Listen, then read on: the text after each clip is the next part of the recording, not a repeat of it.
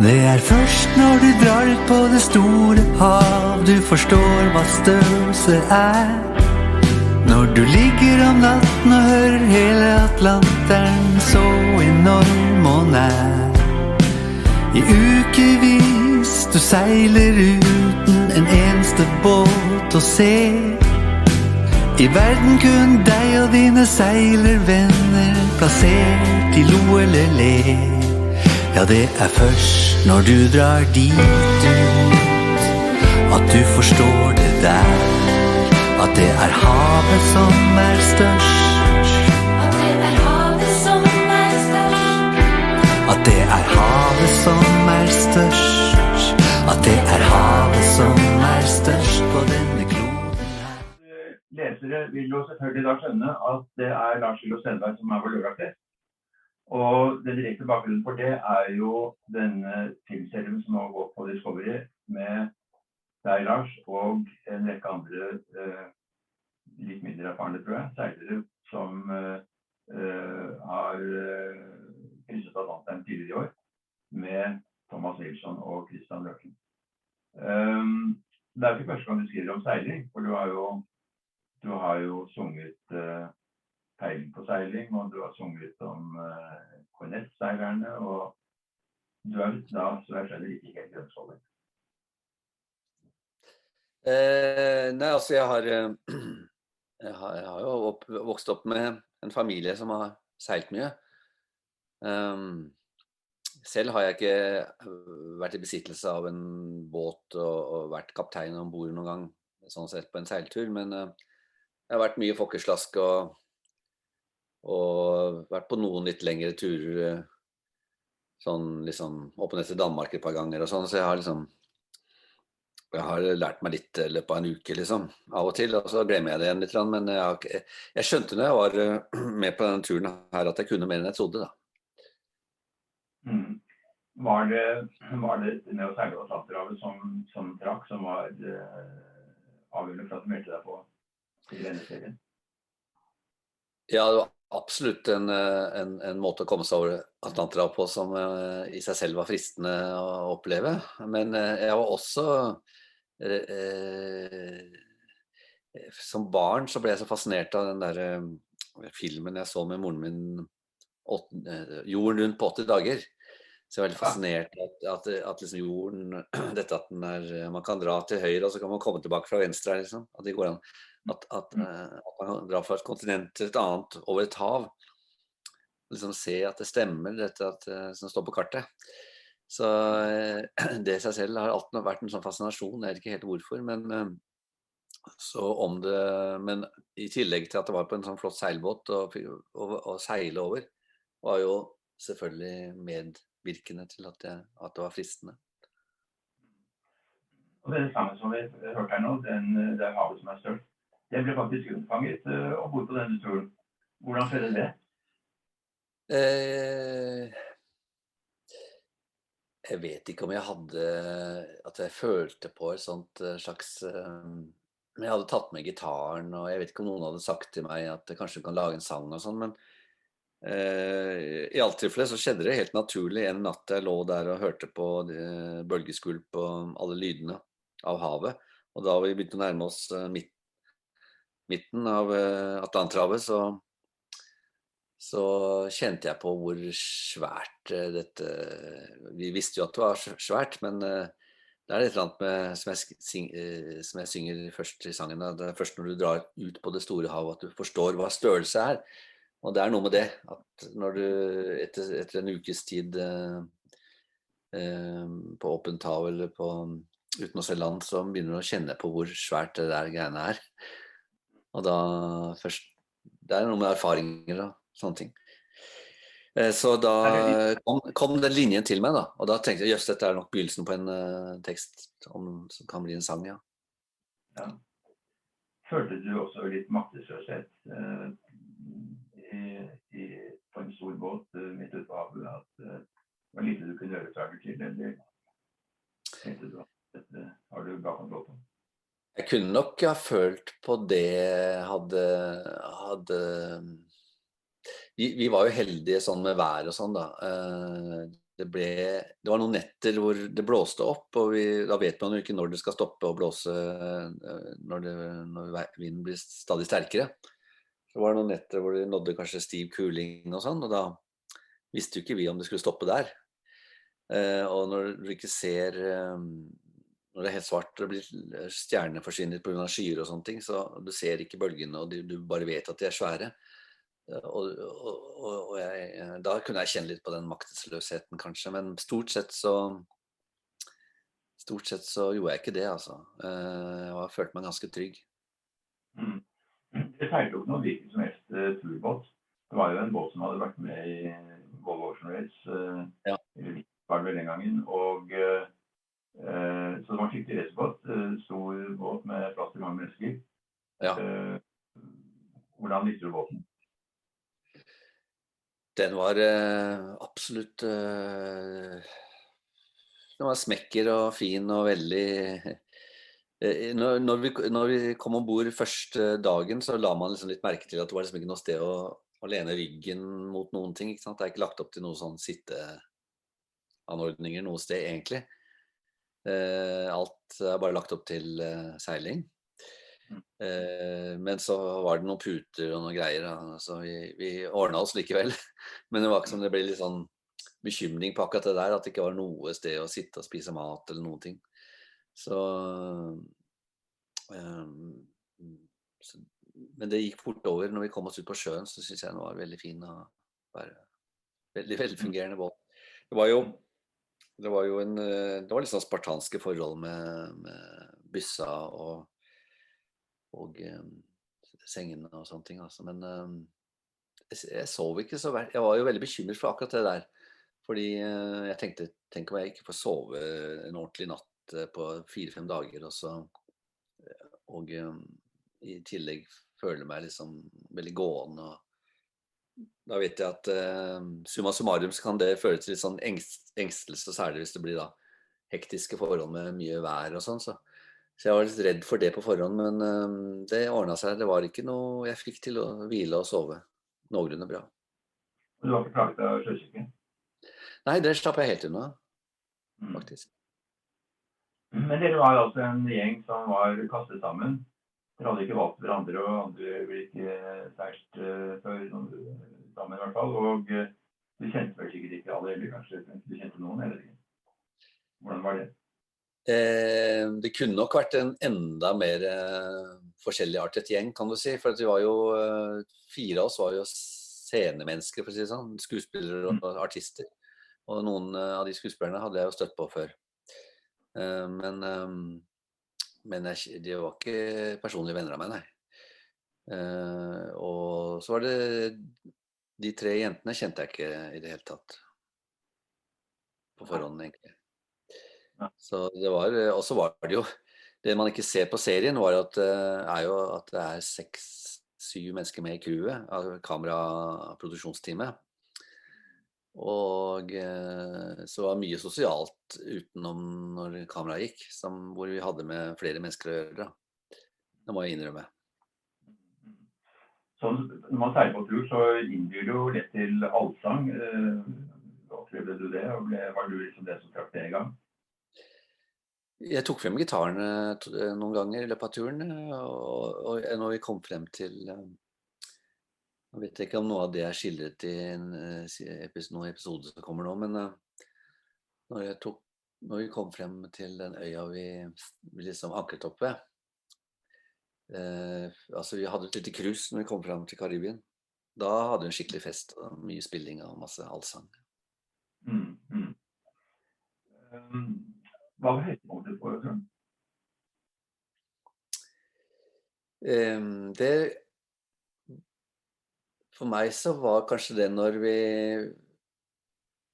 Det var ikke ett høydepunkt, det var ikke som det var et strekk, da. Men eh, det, det, det, de første dagene, det tok nesten en uke, så, så tumla vi jo rundt mellom Lan- Lanzarote og Afrikakysten og Kapp Verde for å liksom Det var litt sånn eh, optimistisk eh, forsøk på å komme seg ut vestover for å håpe at man fikk vind, selv om man visste at det ikke tradisjonelt var, var så mye vind eh, før man kom lenger sør.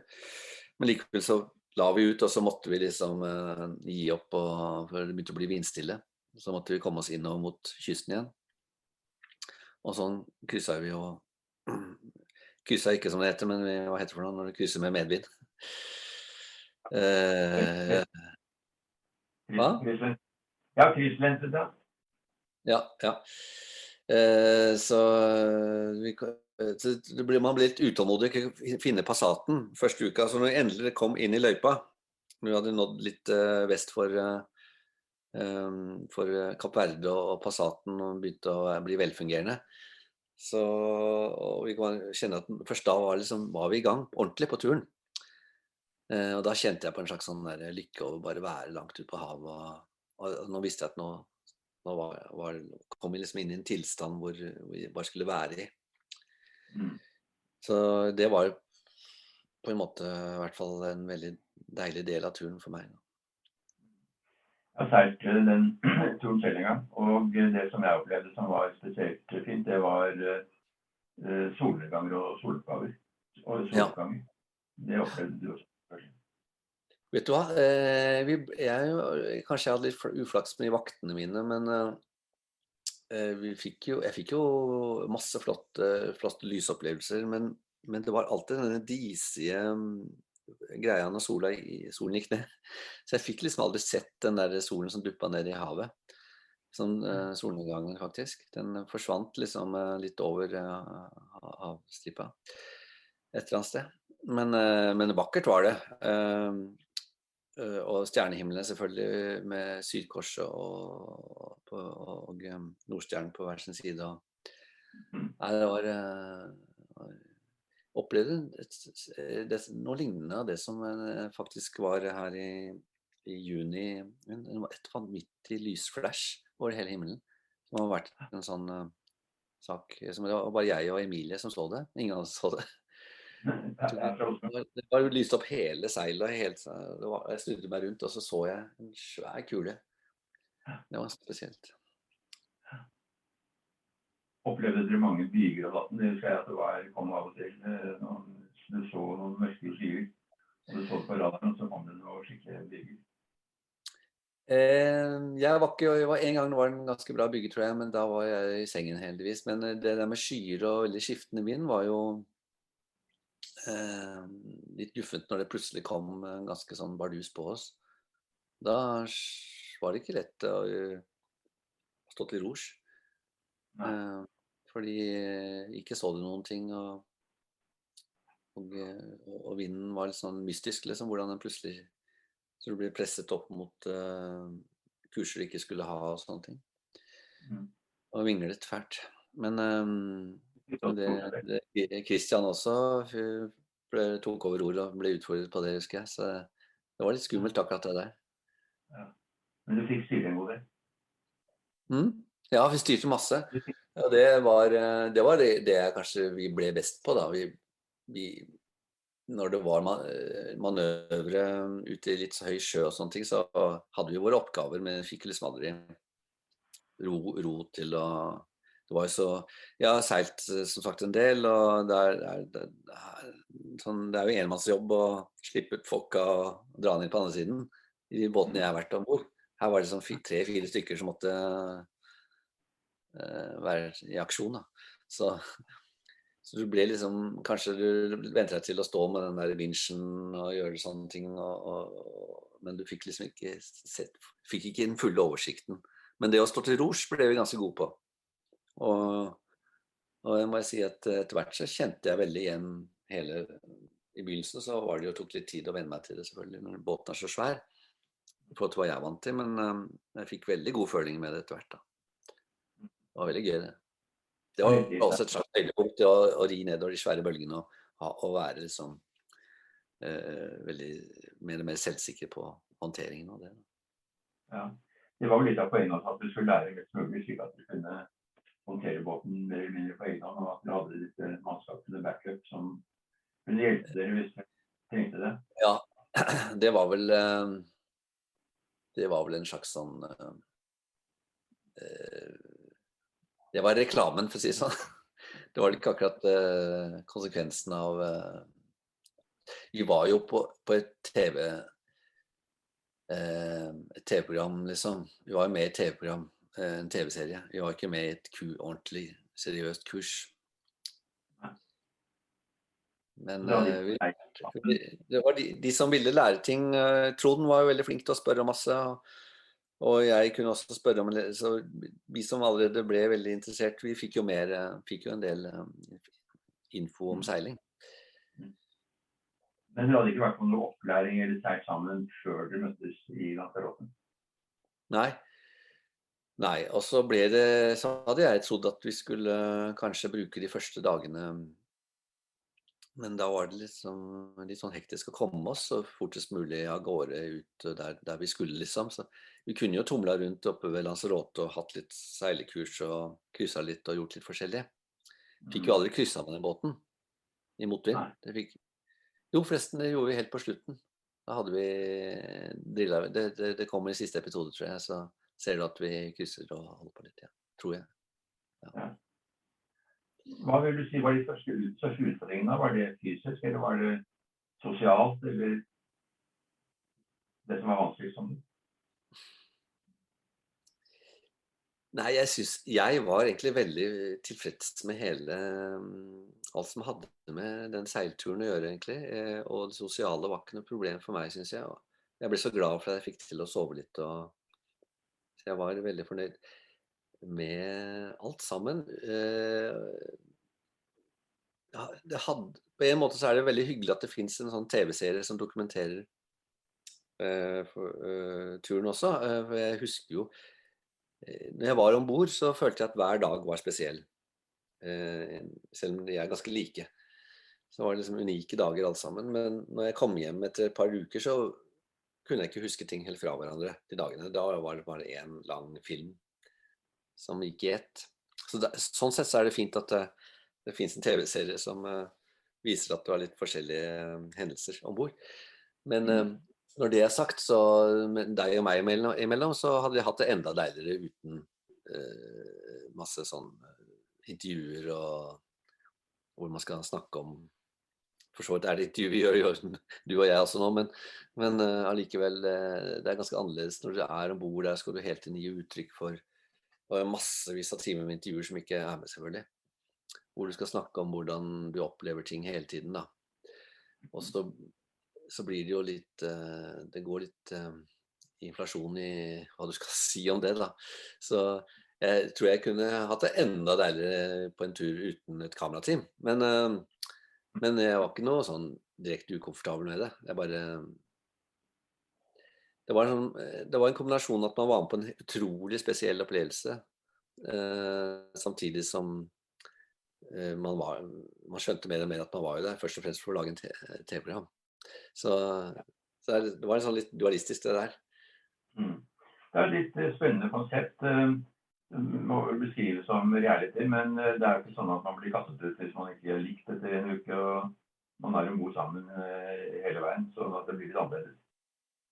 Ja. Um, det det er veldig, var veldig hyggelig. Vi ble veldig, alle var veldig hyggelige mot hverandre og, og bygget hverandre opp. Og, og um, det var jo liksom eh, i, Jeg hørte at det, i den danske Jeg har ikke sett den, men den danske versjonen så hadde jo eh, produsenter og sånne ting og regissører med viten og vilje valgt folk de visste ville havne i konflikt med hverandre. Kranglevorne mennesker. Som, eh, og de hadde uflaks òg, for de fikk jo eller de fikk, eller de fikk full uttelling for det. For der fikk de en uke med vindstille. Og kjempevarmt. Og maten råtnet og alt det der. Så de fikk jo full pott med folk som var lei og sure og forbanna sinte på hverandre og sånn. Her var det ikke, noe, en, ikke noen ting, vet du.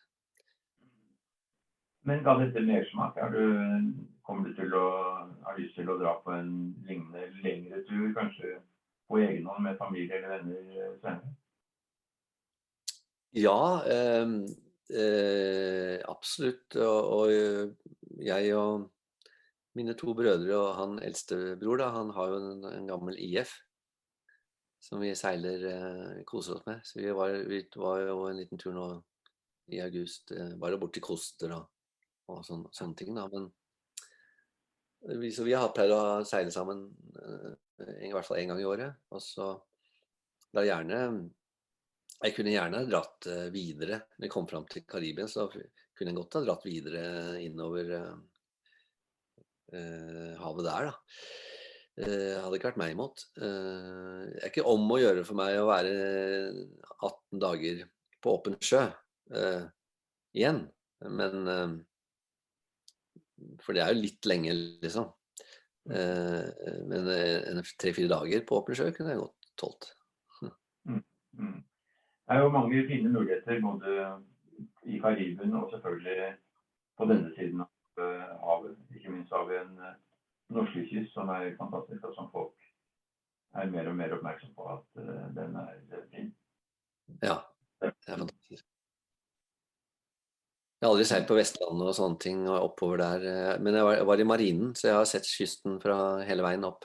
Et par ganger. Vi kjørte opp til Ramsund fra Bergen. Tre-fire ganger.